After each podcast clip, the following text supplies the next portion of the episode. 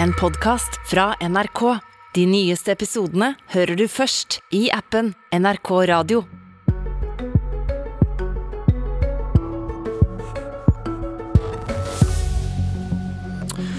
Olaug Bollestad vil ikke komme til Politisk kvarter. Og det er kanskje ikke så rart, for det er triste ting vi vil snakke om. Elendige målinger for KrF og hvisking om ulmende konflikter. Men her får Bollestad snart et råd om hva de kan gjøre.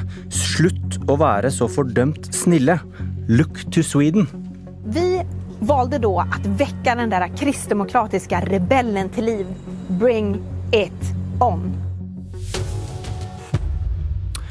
Søndag er det valg i Sverige, og Ebba Busch og Kristdemokraterna, KrFs søsterparti, kjemper for borgerlig valgseier. Og denne sendingen skal ende i Sverige, men vi må begynne i Norge. For bare 3,1 av velgerne svarte at de ville stemt på Kristelig Folkeparti i meningsmålingen NRK presenterte denne uka. Sentrale personer forlater partiet, og skal KrF slutte å kjempe mot abortloven? Vebjørn Selbekk, sjefredaktør i den kristne avisa Dagen, god morgen. God morgen, god morgen. Du, Lederen i KrFs ungdomsparti sa denne uken at partiet bør gi opp kampen mot dagens abortlov, og heller kjempe mot forslag om å gjøre loven mer liberal.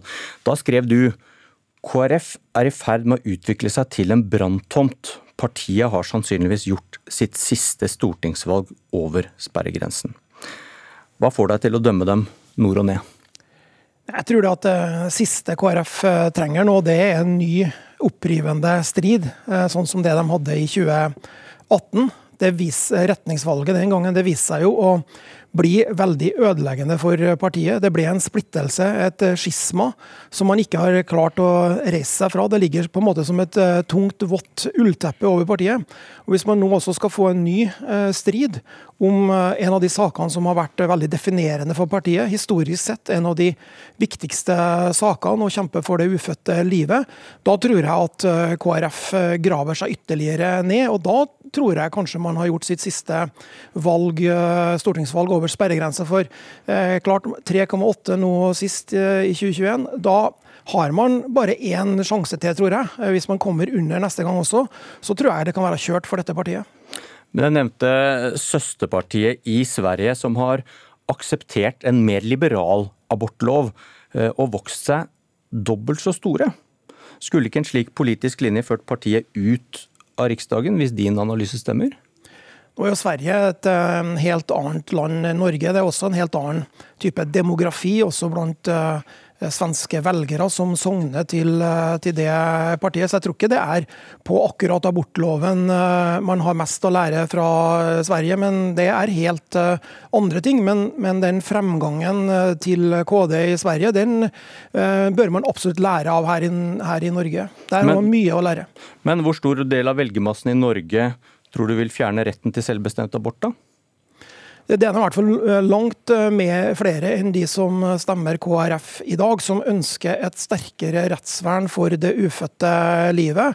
Eh, og det burde jo være en kjempemulighet for KrF nå, når flere partier ønsker å utvide retten til abort helt fram til Eh, fosteret er levedyktig. Så dette burde være en sjanse for KrF til å markere sin politikk. Det er eneste partiet som har virkelig jobba for eh, rettsvern for ufødt liv, og for å styrke det. Men bare for å ta det, Hvor tar du det fra når du sier at det er langt flere enn de 3% som stemmer KrF som ønsker å innskrenke abortloven? Det er jo gjort eh, målinger og gjøres målinger på det, som viser at det er en rundt 10-15 som, eh, som er på KrFs linje på, på, dette området. Hadde man fått eh, de til å stemme KrF, så hadde det sett mye lysere ut enn i dag. Berit Aalborg, politisk redaktør i Vårt Land, velkommen. Takk for det. Eh, du skriver at det KrFU-lederen sier om abortloven er verken nytt eller overraskende. Hva mener du? Nei, jeg mener at dette har vært en debatt i partiet i veldig mange år. Og det har vært mange sentrale politikere som har ment dette, så, eh, så, så det er ikke noe veldig oppsiktsvekkende. Og det har vært ganske mange av KrFs egne velgere som også har vært, eh, som ønska å beholde dagens abort, og det vet vi fra tidligere målinger. Så, eh, og når vi trekker da parallellen mot Sverige, så er det jo veldig interessant at altså Kristendemokratene i Sverige har jo på mange måter liksom dratt partiet langt mot høyre. Så har de åpna opp for loven, og så har de sett det rommet. Eh, så, så, men de har også liksom, eh, hva skal vi si, bytta ut en del av sine velgergrupper. Jeg vet at vi skal komme tilbake til dette etterpå, men det er klart at Kristelig Folkeparti har gjort to ting i løpet av den perioden de har eh, de siste årene som har gjort at de har mista velgere. På den ene siden så har de stått på en stram abortlov som gjør at de har mista de mer eh, kan vi si, blå eller liberale, som har, som, som, som har vært litt på høyresida. Og så har de også mista en del av de kan du si rød, som de mista i retningsvalget. Så de sitter nå igjen med en veldig skal vi si, en, en, et grunnfjell som er ganske kristenkonservativt. Så, så det er liksom veldig stor utfordring for KrF akkurat nå. Det er det vi ser når, når, når de begynner å diskutere om de skal åpne for abortloven. Vi ser det også at f.eks. Bollestad eller Ulstein har sagt til oss at en av de kommer til å gå i pride i år. Så de ønsker nok å åpne opp ut fra dette litt smale rommet som, som KrF har ligget i de siste årene. Ja, Hva er det du sier da? Hva, hva, hva mener du partiet kan oppnå ved å godta dagens abortlov da? Altså, det er mange i partiet som mener det, eh, og det er mange av velgerne, potensielle velgere som mener det. For det Vebjørn Selbekk har helt rett i, det er at det er en god del som ikke ønsker å utvide abortloven, og som er litt restriktive. Men det er mange av de som ikke vil ha tilbake en abortlov som fratar eh, hva skal vi si, selvbestemt abort. Eh, så, så ehm, jeg tror at det er, det er, noe å hente der, men de greier, Kristelig Folkeparti greier liksom ikke å gjøre seg nytte av den bølgen der hvor folk er eh, liksom kritiske til å utvide. Da. Og det er, der jeg, det er der jeg tror de har litt å hente. Kommentar til dette, Selbekk? Ja, jeg, jeg, tror det er en slags type russisk rulett. Hvis man nå velger å kaste om på, på denne vel, svært viktige politiske saken for KrF, så kan det kanskje slå sånn ut at man kan få noen uh, som blir interessert i partiet. Men jeg ser ikke de store velgergruppene som står og skraper på døra til KrF og bare venter på at man skal endre dette programpunktet, så skal man velte inn og stemme KrF. Jeg tror, jeg tror ikke på en sånn analyse. Jeg tror det er mer å tape enn det er på å vinne og endre dette her. Ja, og så ser vi jo at Kristelig Folkeparti har nesten ikke fått, På bakgrunnstallene våre på målinger ser vi at de nesten ikke har fått én ny velger de siste tida. og Det må de faktisk ha hvis de skal over sperregrensa.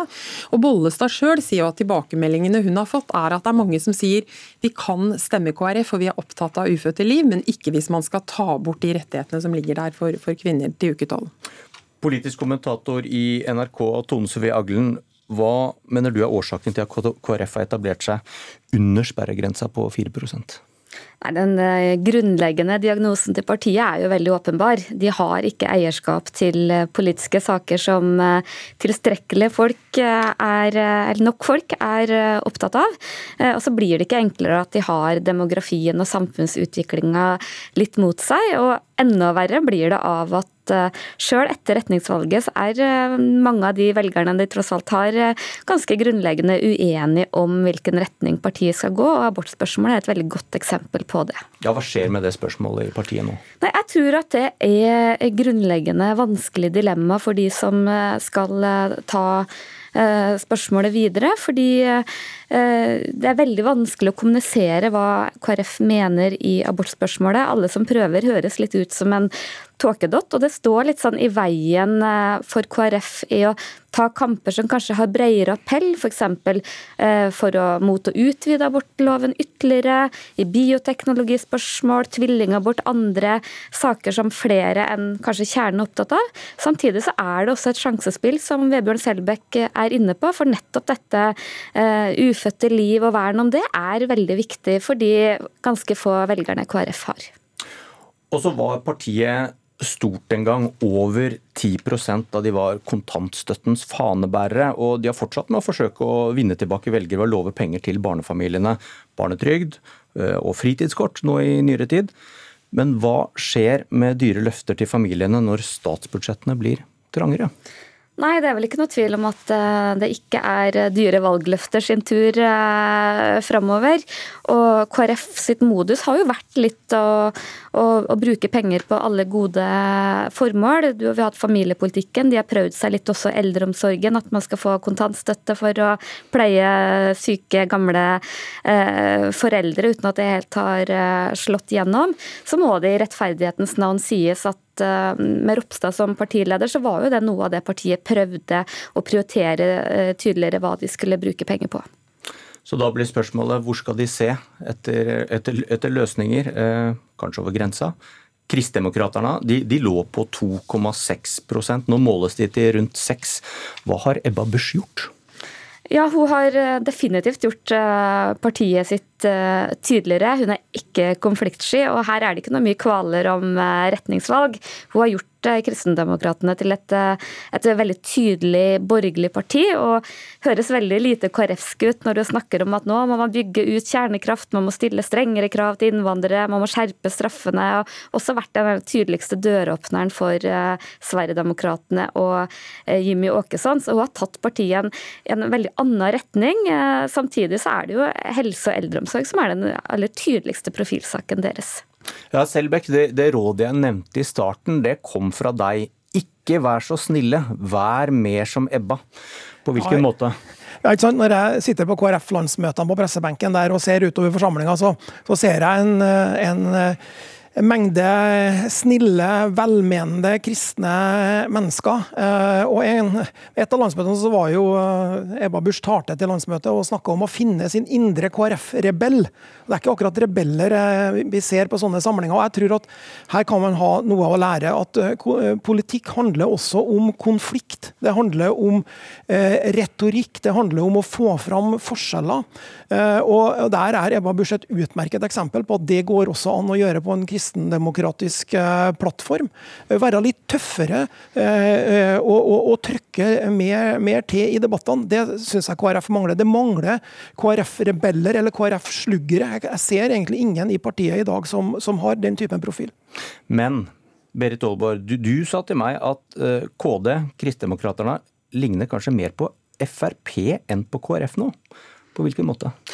Nei, For det første ligner de mye mer i stilen. Eh, og for det andre så har de en del sånne politiske fellesgods, eh, som f.eks. Eh, identitetspolitikk, bønnerop. Hun har flytta partiet ganske mye mer i en litt mer nasjonalkonservativ retning. Og det som også Vebjørn Selbekk sier med 'look to, to Sverige', det, det, har jo da Sylvi Listhaug sagt, for hun skryter jo voldsomt av Eiba Busch Thor. Og de to politikerne har ganske mye felles på mange politiske områder. Forsvarspolitikk. Sånn at Det store spørsmålet er i grunn er det en plass altså Fremskrittspartiet er jo kanskje ikke så, ligger ikke så langt ute som det Sverigedemokraterna ligger på høyre side. Men i Norge har vi Fremskrittspartiet, og spørsmålet er om Fremskrittspartiet har tatt noe av den plassen i Norge som egentlig eh, noen tror at, at eh, Kristdemokratene kan ta i Norge. Det er spennende. Det er selvfølgelig en vei de kan gå, men det er også en god del forskjeller som gjør at det også kan være, være krevende. Ja, eh, Ebba Busch hun har jo da åpnet for, eh, for Sverigedemokraterna, som var paria i, i, lang tid. Hvordan vurderer du Aglen, KrFs turbulente forhold til Frp her hjemme?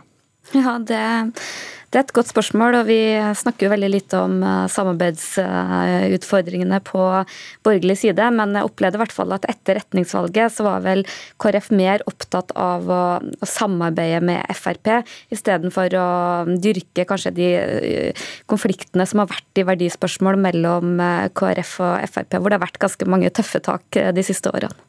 Hva tenker du om dette, Selbekk, KrFs forhold til Fremskrittspartiet? Altså, I Sverige så, så, vokser jo både KD og Sverigedemokraterna, så jeg tror jo at det finnes denne typen uh, rom. Og nå har jo, nå har jo KrF sittet i regjering med Fremskrittspartiet, så den barrieren har man jo kommet seg over. Så jeg tror at uh, det er mer å hente også på de sakene som Ebba Busch fronter i Sverige. Jeg tror det er ting å hente der for KrF også i Norge. Kan jeg, kan jeg, bare få si en ting? Jeg, jeg, tror også faktisk at noe av det som Ebba Busch Thor har gjort når hun har liberalisert partiet, for det har hun gjort, så er en av de tingene som hun har vært veldig opptatt av, er bl.a. abortgrensa på uke 18. Og Vi så at når vi fikk en, en diskusjon i Sverige rundt KD sin, sitt abortsyn og hva de hadde gjort i, i, Europe, i Europarådet, da datt de plutselig nedover når, man, når noen så, når velgerne opplevde at de var konservative på abortspørsmålet. Så jeg tror denne analysen blir liksom liksom, man, man, tar ut den faktoren at man faktisk har liberalisert partiet ganske kraftig eh, når, når man sier at man, KrF skal bevege seg i den retninga. Det er et valg, men da må man kanskje gjøre noen sånne tydelige liberaliseringer av partiet sin politikk. Og så har han vel til og med skilt seg, så nå har mista det siste navnet Tår, har han ikke det? Jo, ja. det stemmer. Og det går også bra som leder for, eh, for KD i Sverige. Tusen takk for eh, analysene. Dette var Politisk kvarter. Jeg heter Bjørn Myklebust.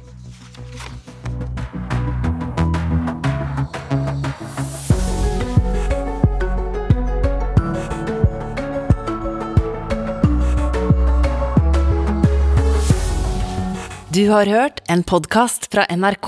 De nyeste episodene hører du først i appen NRK Radio.